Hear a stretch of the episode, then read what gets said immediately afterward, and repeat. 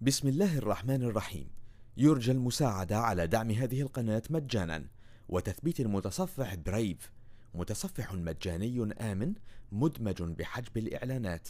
وشبكة خفية تور وتورنت. جزاكم الله خيرا.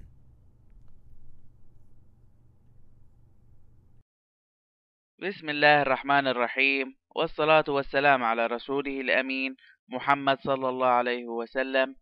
إخواني مهندسي الشبكات في العالم العربي السلام عليكم ورحمة الله وبركاته. أرحب فيكم أنا أخوكم حسن صالح مرشد من الشبكات الرقمية في الفيديو العشرون والخاص بمنهج ال Security Plus. شاهد تعلم واستمتع.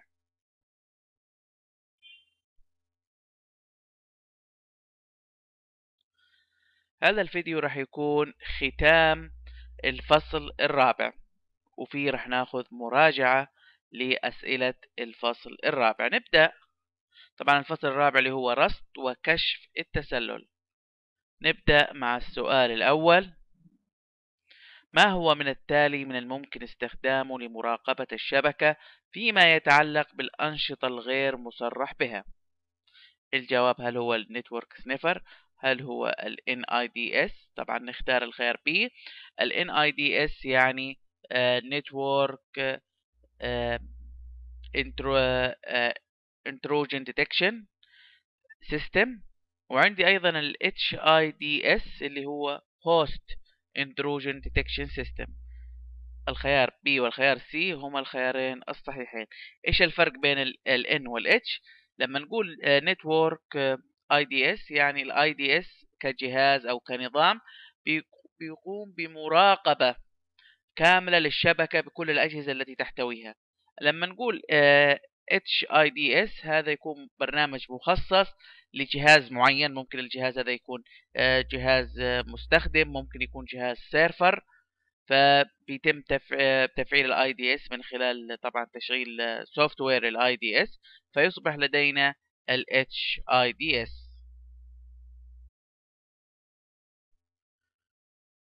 السؤال الثاني. ما هي وظيفة ال IDS عندما يحصل على بيانات سيئة تم جمعها من أجهزة الاستشعار؟ يعني ال IDS اكتشف أن في بيانات سيئة فما الذي سوف ي... فما هو التصرف اللي راح يقوم فيه؟ الخيار الصحيح هو الخيار C alert التحذير. جهاز ال IDS مهمته هو مراقبة الشبكة أو البيانات اللي بتمر في داخل الشبكة أو إذا كان من النوع ال host IDS فعنده راح يراقب البيانات اللي بتمر على server معين. لما يلاقي بيانات سيئة مثل بي... مثلا بيانات خاصة بفيروس معين أو ملف سيء مثل برنامج ملف تجسس إلى آخره عندها راح يقوم بوظيفته اللي هي إرسال تحذير.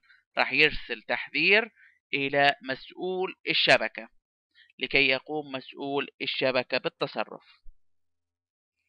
السؤال الثالث ما هو الفرق فيما بين ال IPS وال IDS ال IPS هو النسخة المطورة من نظام ال IDS والفرق بينهما اللي هو يتلخص في ال defense الدفاع. ال IPS بيقوم مثله مثل ال IDS من ناحية إنه بيراقب حركه البيانات اللي في داخل الشبكة. ولكن يتفوق ال IPS طبعا ويقوم بنفس مهمة ال IDS من ناحية إنه لو شاف بيانات سيئة فعنده راح يطلق تحذير ويرسله إلى مهندس حماية الشبكة. ولكن الفرق بين ال IPS وال IDS إن ال IPS لن يكتفي فقط بإرسال التحذير وإنما راح يقوم بمواجهة هذا الخطر والتصدي له. السؤال الرابع. ما هو الهدف من نظام جرة العسل أو ال honeypot؟ نظام ال honeypot system. الهدف من ال honeypot هو في الخيار B واللي هو التعرف على المهاجمين والهجمات. نظام ال honeypot من خلاله أنا بنشئ شبكة وهمية برمجية virtual بحيث أغري المهاجمين أنهم يهاجموا شبكتي. وبالتالي إيش أستفيد من هذه العملية؟ طبعا أنا خليتهم يهجموا على شبكة وهمية. هم شايفينها شبكة حقيقية بس هي في الأساس شبكة وهمية. فهجومهم فعليا ما راح ما راح يلحق الضرر فيها آه، أو بعملي. ولكن أنا اكتش... آه، أنا استفدت من هذا الهجوم من ناحية إني راح أحلل طريقة تنفيذهم للهجمات. كذلك راح أعرف المها... عناوين المهاجمين أو أماكنهم ومين هم. الهاني بوت نلاقيه بيستخدم بشكل عالي في شركات آه، الحماية. شركات الحماية هي عارفة إن عالم التهديدات في الرقمية في ازدياد ودائما في تطور. للأساليب الجديدة. فبالتالي هي تحب فهي لابد عليها أنها تكتشف هذه الأساليب الجديدة والفيرو سواء كانت فيروسات ملفات ضارة سواء نقاط ضعف جديدة. فهي محتاج أنها تكتشف هذه الهجمات الجديدة. تكتشفها كيف؟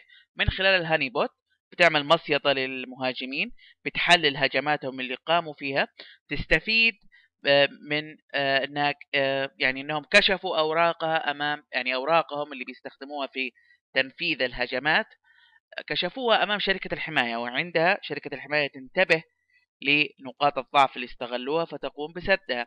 آه، مثلا فيروس معين تقوم بتعريفه على مكافحة الفيروسات لكي يتعرف على هذا الفيروس ويقوم بإيقافه وهكذا.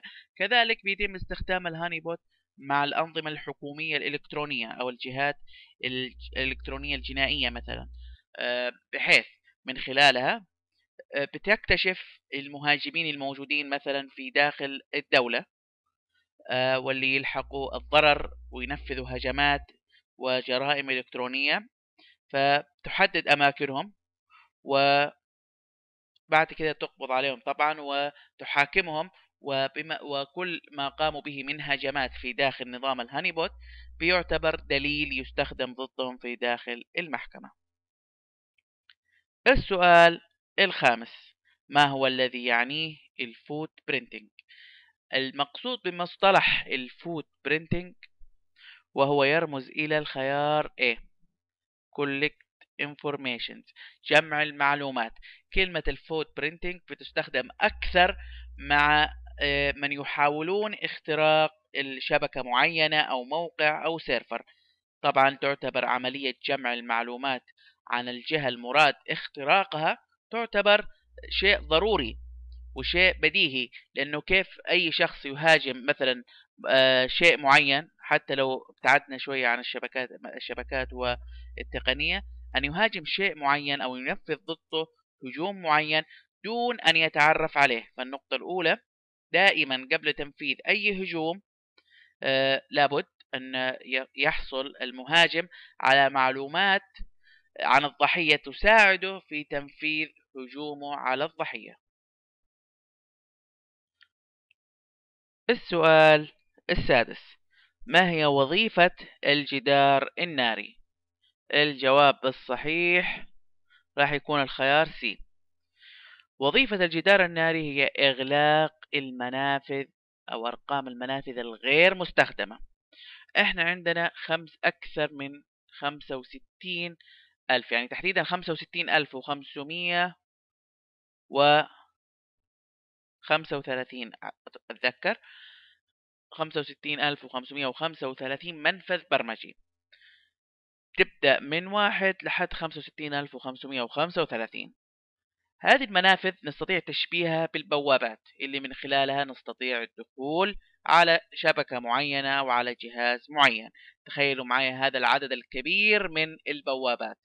طبعا وجود هذا العدد الكبير من البوابات دون حر... دون حراسة وتركه مفتوح طبعا راح يؤدي إلى استغلاله في دخول المهاجمين والملفات الضارة. فعليا على مهندس حماية الشبكة أن يحدد ما هي المنافذ اللي آه، أو أرقام المنافذ اللي بيتم استخدامها في داخل الشبكة. مثلا خلينا نفترض أنه اكتشف أنه عدد المنافذ اللي محتاجها الشبكة لكي يقوم المستخدمين في داخلها بأداء وظائفهم مثلا خلينا نفترض أنها 20 منفذ.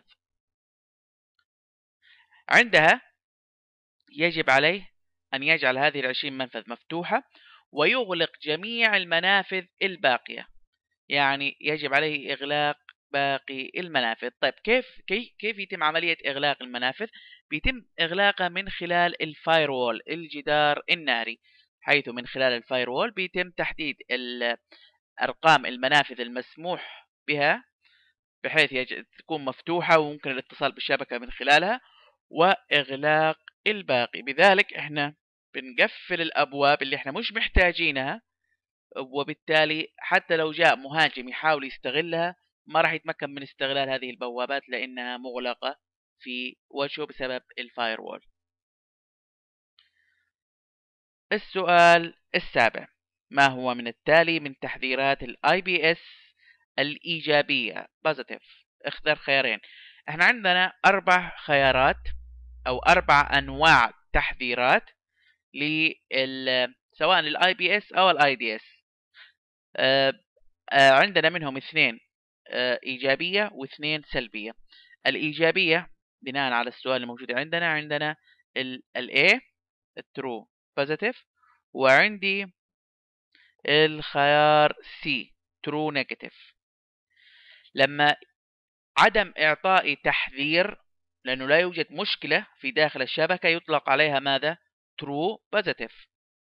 أما إذا كان في مشكلة فأعطاني تحذير بوجود حاجة نيجاتيف سلبية في الشبكة وفعلا في شيء سلبي حاصل في الشبكة فهذا يعتبر true negative هذول الاثنين من أنواع التحذيرات يعتبروا هم التحذيرات ال positive أو التحذيرات الإيجابية اللي محتاجينها من جهاز ال IPS أو ال IDS وإنه ما يكون في تحذيرات في حال إنه ما في أي مشكلة في داخل الشبكة وإنه يكون في تحديث أو تحذير في حال وجود آه، شيء خطأ في داخل الشبكة.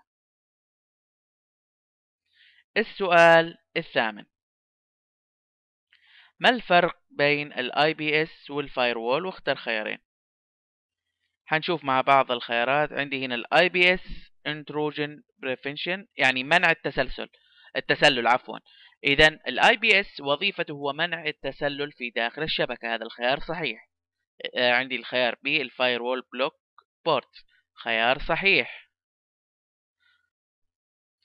الفاير وول وظيفته هي إغلاق المنافذ وتحديدا المنافذ اللي إحنا مش ما, ما بنستخدمها.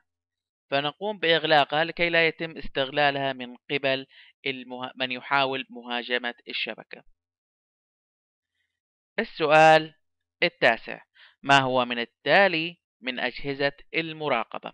هل هو جهاز الراوتر؟ لا. هل هو ال hub؟ لا. هل هو ال switch؟ لا. الخيار D هو الخيار الصحيح. ال IPS يصنف من أجهزة المراقبة بحيث يقوم ال IPS بمراقبة حركة البيانات في داخل الشبكة وفي حال اكتشافه لأي آه، برامج آه، لأي حركة بيانات ضارة فعندها راح يرسل تحذير وفي نفس الوقت راح يتصدى لهذا الضرر أو الهجوم. السؤال العاشر. ما هو من التالي الجيل الأول من الجدران النارية؟ الجدار الناري يعتبر من أوائل الأجهزة في عالم ال security والحماية ومر بعدد من الأجيال. هذه الأجيال تمثل تطويرات لجهاز ال firewall الجيل الأول لل firewall يطلق عليه ال stateless packet filtering. السؤال الحادي عشر. ما هي الثلاثة شبكات التي يقوم الجدار الناري بتصنيفها؟ الجدار الناري بيصنف ثلاثة شبكات. آه عندي أنا هنا الخيار A ال inside networks وهي تعادل الشبكة المحلية ال LAN network وعندي هنا ال outside networks وهي الشبكة الخارجية.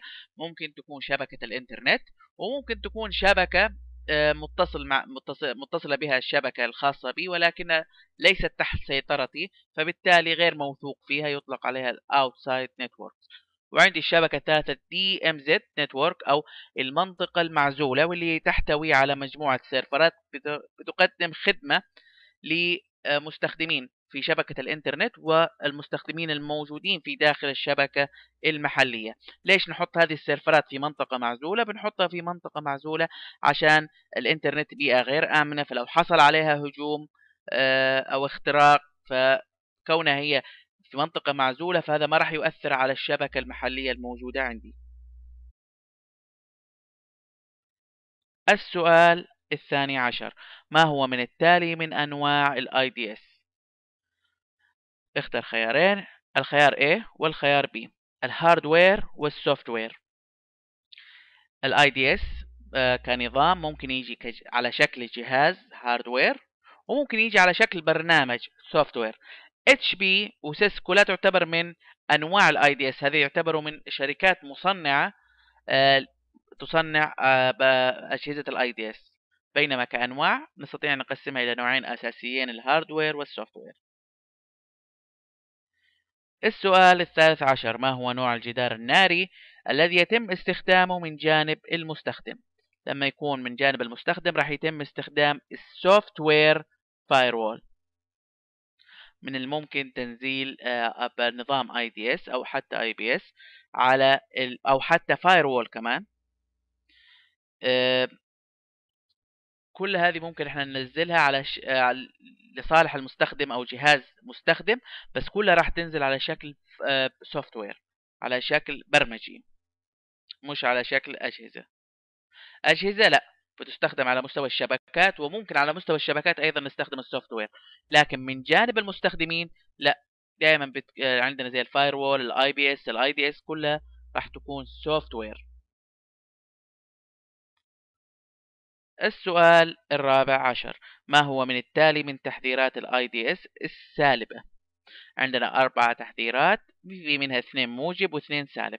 بالنسبة للتحذيرات السالبة عندنا الخيار B وعندي الخيار D اللي هو false positive يعني إنه هو معطيني حالة استقرار ومش مرسل لي أي تحذير ولكن هذا شيء كذب. ليه؟ لأن في هجمة قاعدة تحصل على الشبكة.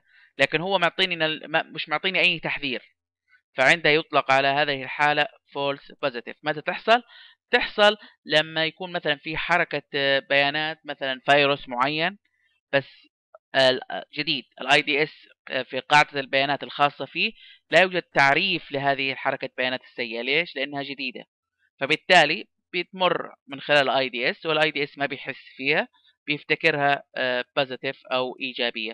هنا يطلق عليها false positive عندي أيضا ال false negative واللي هي في حالة إنه يعطيني تحذير لكن تحذير كذب. يعني هو شاف إن في خطر لكن فعليا هو مو خطر. يعني مثلا عملية إرسال ping متواصل من جهاز إلى جهاز تعتبر يعني راح يعتبرها ال IDS خطر.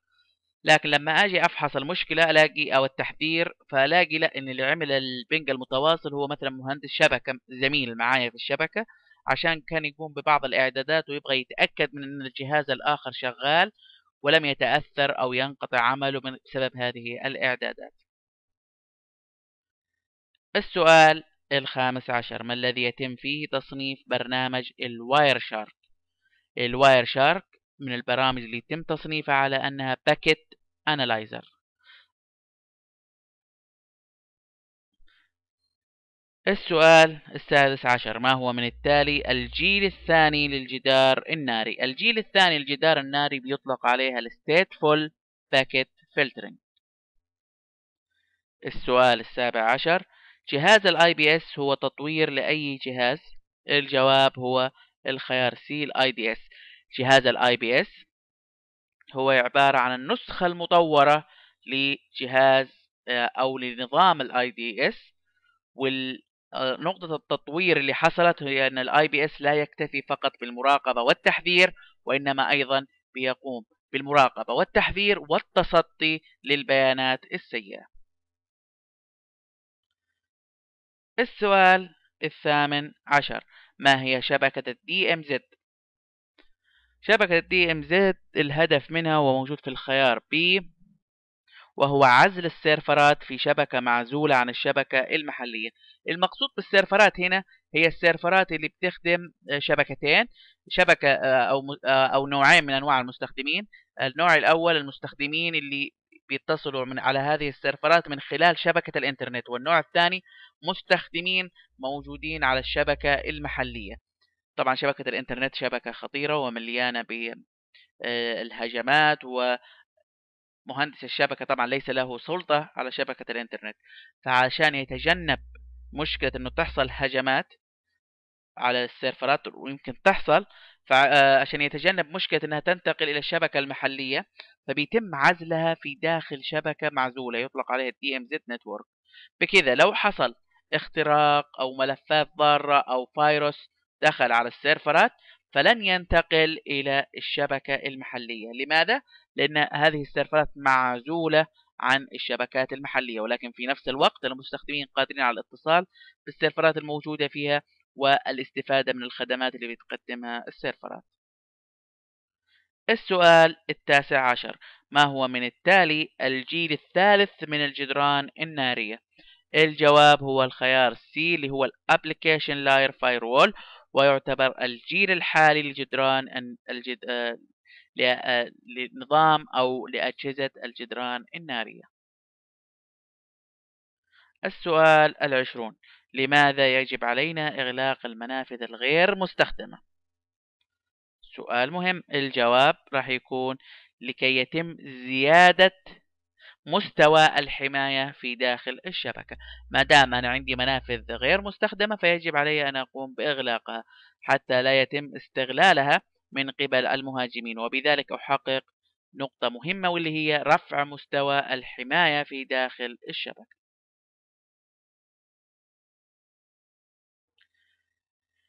إلى هنا نكون وصلنا إلى ختام هذا الفيديو واللي أتمنى من الله سبحانه وتعالى أن يكون قد نال على إعجابكم واستحسانكم وحتى ألقاكم بإذن الله في الفيديو القادم. أستودعكم الله الذي لا تضيع ودائعه.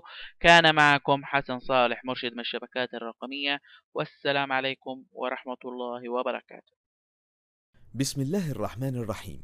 يرجى المساعدة على دعم هذه القناة مجانا. وتثبيت المتصفح برايف متصفح مجاني آمن مدمج بحجب الإعلانات. وشبكة خفية تور وتورنت جزاكم الله خيرا.